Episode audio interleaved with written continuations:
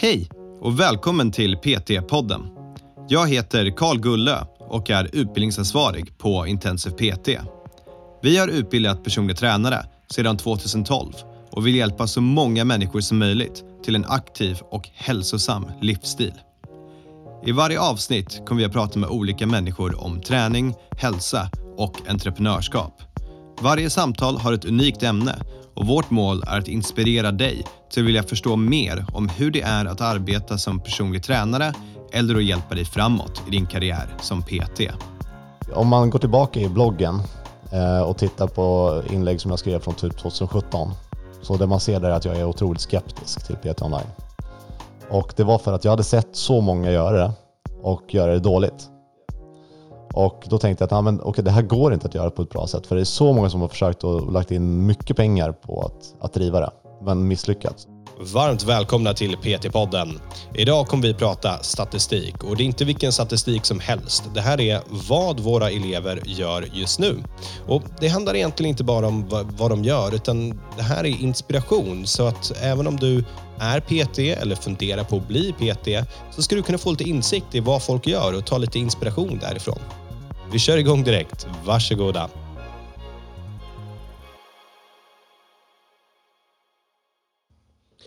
Varmt välkomna till PT-podden. Um, jag, alltså, jag är ledsen, idag är ett sånt här avsnitt där Andreas kommer att ta över och bestämma och låtsas att han är podcast-host. Så ja, jag, jag bollar över till Andreas Hurtig. Äntligen dags för mig att bestämma lite grann. Så, eh, det jag gör på Intensiv PT, det är att jag... Eh, Så. Ja, lite grann. Men, men jag samlar in data. Eh, mitt jobb är ytterst oklart. Det har inte speciellt mycket med träning att göra längre. Utan jag sitter och tittar data. Jag sitter och tittar på um, hur uh, spelningar på föreläsningar är. Jag tittar på provresultat. Jag tittar på utformning av meningar och hur det korrelerar till vad folk får rätt på på provet. Jag sitter och samlar stora mängder data och analyserar dem för att göra utbildningen mer effektiv och få, få learning outcomes bättre för elever. Du, du är som en dator, en gammal sliten dator som ingen vill ha längre. Ja, som står och försöker hitta mening med saker. Ja. Men, men det, det, gör ändå rätt mycket skillnad. För tittar vi bara på som provresultat och outcome för hur vi lägger upp föreläsningarna så har vi ju förbättrat utbildningen ofantliga mängder bara för att vi har så mycket data att titta på. Ja, och det jag alltid imponerar på det är hur du kan få någonting från den datan som du kollar på. Om du visar mig data så kollar jag på det här och tänker, ja, vad, vad är det där? Och så hittar du massa olika paralleller och diagram och allt möjligt. Så ja jag, jag uppgraderar i min vän från en skitdator till ja, i alla fall en hyfsad dator. I alla fall. Alltså just det där är faktiskt ganska simpelt. För att om jag ser att jag har ett, eh, ett provresultat som inte är önskvärt från elever. Eh, antingen så är det frågan som är formulerad på något konstigt sätt, som att de inte förstår det eller svarar på ett sånt sätt som jag vill. Eller så är eh, föreläsningen eller någonting i hur vi förmedlar informationen felaktig. Och då kan man ju testa med att först formulera om frågan. Och ser vi då över 100 provresultat att det har förbättrats, då ser vi okej, okay, men bra. Och om det inte händer så måste vi börja formulera om hur, hur vi lär ut saker. Lägga till saker, skriva blogginlägg som vi länkar till i föreläsningar, någonting. Ja. Så det är ganska lätt att få upp det här. Och det är det här som jag har eh, hittat den absolut största fördelen med att ha distansbaserad utbildning. För att vi ser ju allting från eh, folks beteende på sidan. Ja. Vi, vi kan ju se vilken slide fastnar folk på längst och se men varför är det här komplicerat för dem. Eller vilken slide lämnar de datorn vid? Och gör det allihopa, förstör Andreas statistik. Lämna random slides uppe och gå därifrån och göra en kopp kaffe. Ja, men, men, sånt ser man också ganska tidigt, för då är det en person som gör det. Så om inte alla kommer överens om att just den här sliden Slide 23 biomekanik, ja. kör. Ja, nej, men man får ut mycket och det här, Intensivspel började som utbildning på plats. Och eh, det som inte fanns då, det var, det var datan. Mm. Och eh, provet, det gick liksom inte att utläsa någonting. Man hade en ungefärlig liksom, trend på hur det gick. Men du, även då var det framåt för man fick en uh, iPad eller en surfplatta på köpet. Ja. Vilket är lite kul. Uh, men nu är det verkligen som, datadrivet. Det är, det är framtiden för allting. Och uh, det, det, vi har kunnat göra på liksom två års data, vi har väl någonstans runt 3000 personer som har gått igenom vårt, vårt material nu. Och det har gett oss väldigt mycket data. Eh, och en av mina favoritdata, det är det vi ska prata om idag, det är faktiskt eh, data direkt från eh, elever. Mm. Så vi ska titta på vad elever gör efter utbildningen. Okay. För att det här är ju någonting som också gör hur ska vi anpassa vår utbildning. För att till exempel om du har en utbildning och inte lyssnar på vad folk vill göra, då kommer du erbjuda dem information som de inte har speciellt mycket nytta av. Precis. Eh, och det här är ett av, eh, ett av de sakerna som jag har lite problem med när man sätter så här ska saker standardiseras. Eh, så har du till exempel en person som är intresserad av att driva PT online.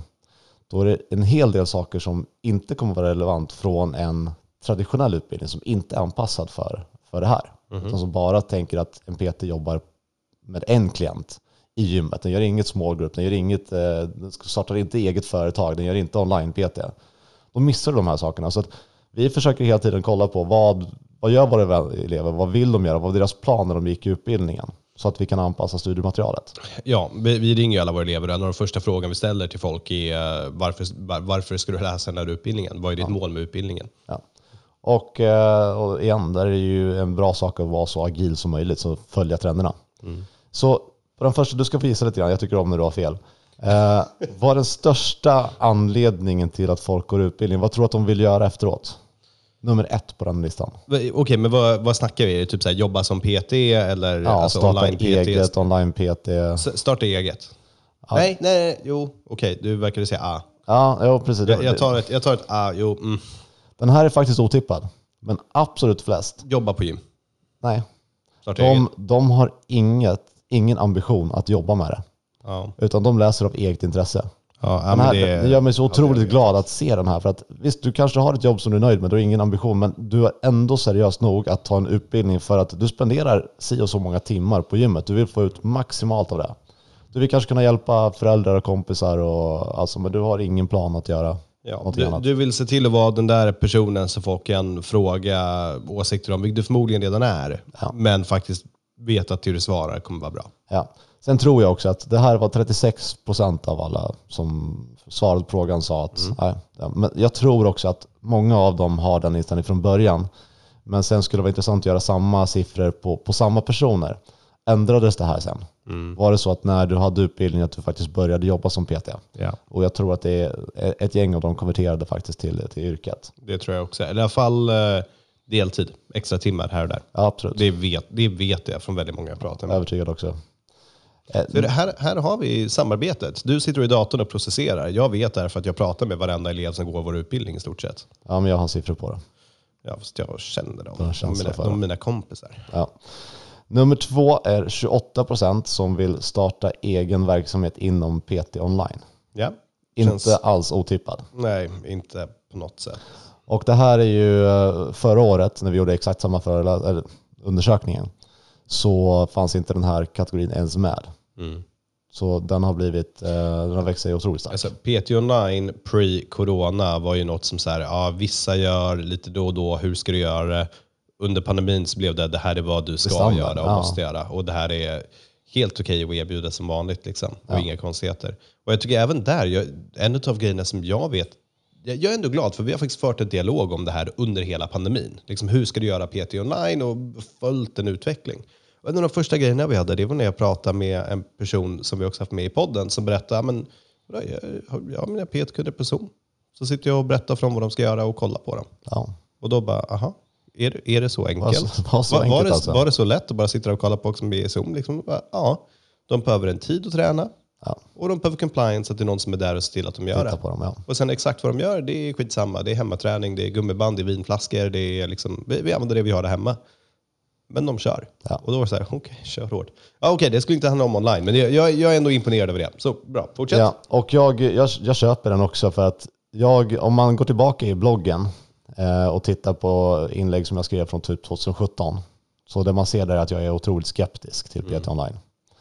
Och det var för att jag hade sett så många göra det och göra det dåligt. Ja.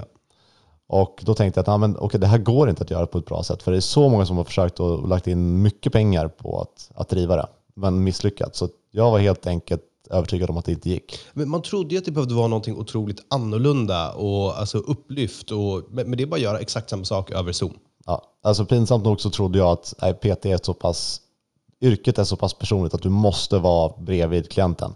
Men där kan jag säga att jag hade fel. Eh, Jag har sett så många göra det otroligt bra. Så det är nästan så jag ska gå in och radera mina pinsamma poster från 2017. Men jag låter dem vara kvar för att, eh, igen, jag tyckte en sak då och jag har tänkt Ja, om. ja, du har ändrat det. Det får man, det får man absolut göra.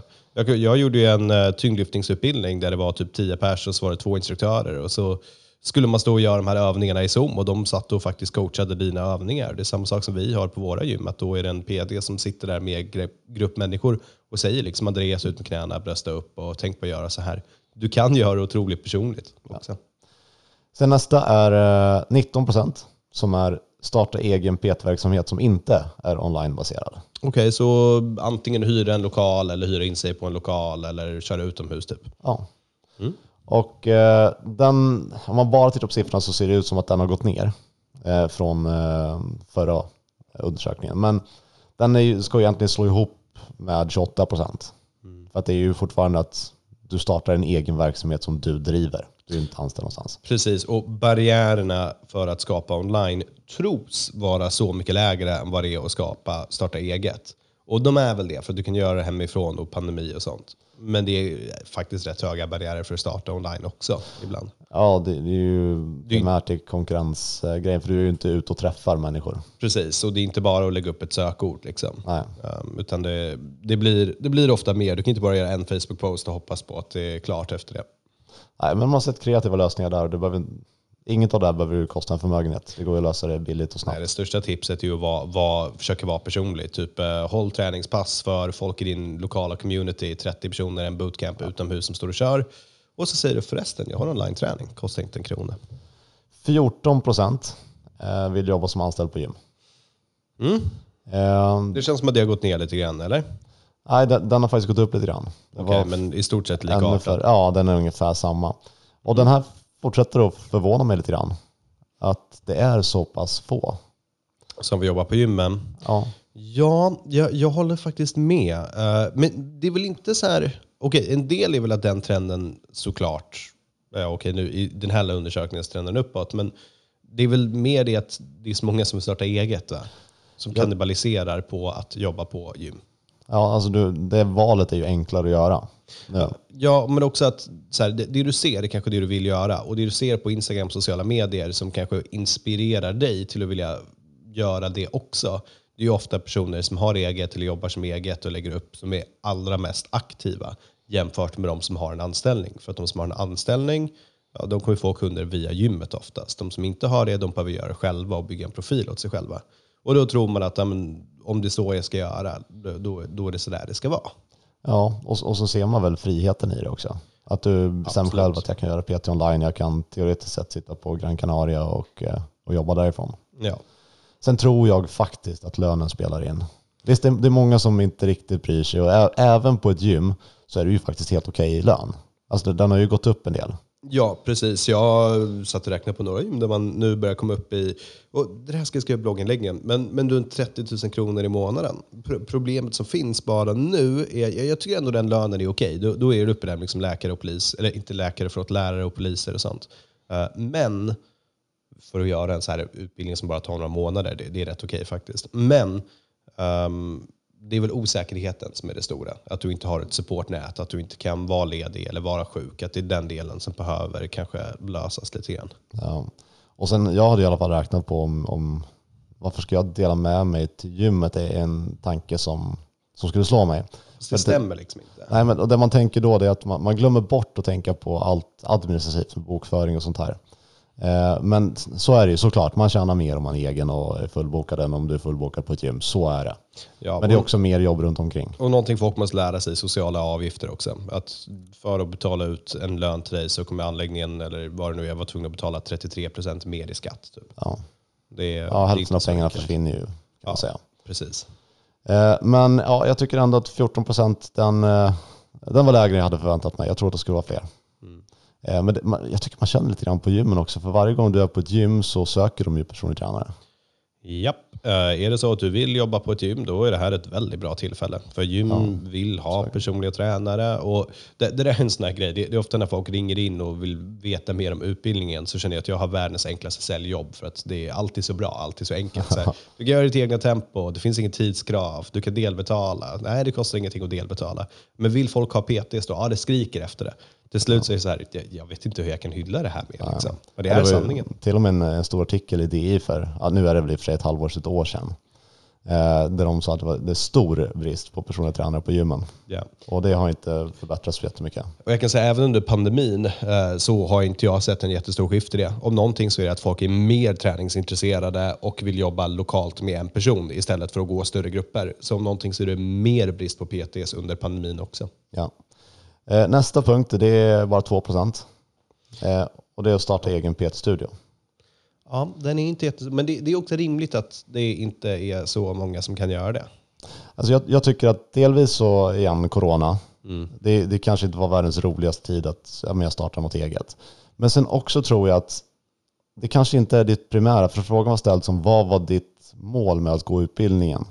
Och det kanske inte är så många som tänker från början att jag ska starta ett, liksom en PT-studio. De kanske tänker att jag ska starta PT online först. Och så bygga upp det och sen när jag har massa klienter då tar jag med dem till en PT-studio. Så jag tror, tror att det, Ja, den är eller lägre. de som innefattas av eget företagande kanske svarade den ehm, och tänkte att de skulle starta en egen PT-studio allt eftersom också. Om de inte såg det här alternativet. Ja, precis. Alltså den är låg men jag tycker att det är försvarligt att den är låg. Det, det är ju hög ingångsbarriär. Alltså, om inget annat måste du ha ekonomin för att kunna göra det, för det kräver investeringskostnader. Ja. Och den sista det var en procent. Så det var några stycken som svarade här och det var starta eget gym.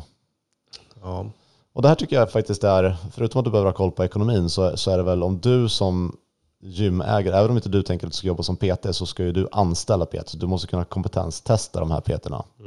Och du, kom, du vet att du kommer få massa frågor om träning. Så jag, jag tycker att det är en ganska bra liksom, start. Jag blir väldigt förvånad faktiskt hur ofta det är så att folk som äger eller startar gym inte kan så mycket om träning. Ja, Kanske är träningsentusiaster eller hobbyträningsmänniskor, men inte utbildade inom, alltså inte extremt kunniga inom träning. nej. Vilket så här, visst, okej, det- du behöver ju kunna ekonomi, du behöver kunna sådana saker också och ledarskap, men du måste ju kunna din bransch, eller? Ja. Eller, alltså jag ser ju många som överhuvudtaget knappt ens tränar. Ja. Så är som lever otroligt ohälsosamt. ja. Det här var superstort för, för typ tio år sedan. Då gymägare, man associerade nästan det med en kriminell person. Ja, jag, jag, kommer ihåg det. här. Jag har varit på eh, Sveriges starkaste man och sånt och så har man sett olika galor och så ser man det och bara, va? Ja, det är lite läskigt nästan. Eh, Men eh, det, det ändras för att det, det är inte lika enkelt att driva gym längre. Nej. Utan det, det krävs, du måste kunna träna, du måste kunna ekonomi, du måste kunna marknadsföring. Alltså det är så hög konkurrens nu så att du, du får inte ha luckor. Nej, precis. Eh, Men där har vi alla siffror. Var det något av det här som förvånade dig? Nej, eh, allting där känns helt rimligt. Det kommer bli väldigt spännande om den här pandemin tar slut och få se hur det förändrar sig. Om det är fler människor som kommer öka och skaffa gym. Jag tror det kommer vara intressant att se för så länge det här börjar lugna ner sig lite grann. Nu vet jag inte när det här kommer släppas, men det är, ja, vi får väl se hur det går med vaccin och alltihopa. Det kommer ju vara en extrem träningsboom 2021. Det tror jag verkligen. Det är folk, det kommer också vara en extrem ohälsoboom antar jag. Att folk kommer gå ut och dricka och äta och vara på restaurang och må så jävla bra också. Men det kommer vara en stor träningsboom. Och hur vi i träningsbranschen fångar upp detta, ja, det återstår att se. Bra avslutning där Karl. Aha, jag har koll på det här. Vi nöjer oss där. Du får ha det så bra. Tack för ditt medverkande Karl. Jag vet inte vad du gjorde men eh, bra jobbat. Jag nickade och log. Tack så mycket hörni. gott. Ha det bra. Ha det så bra.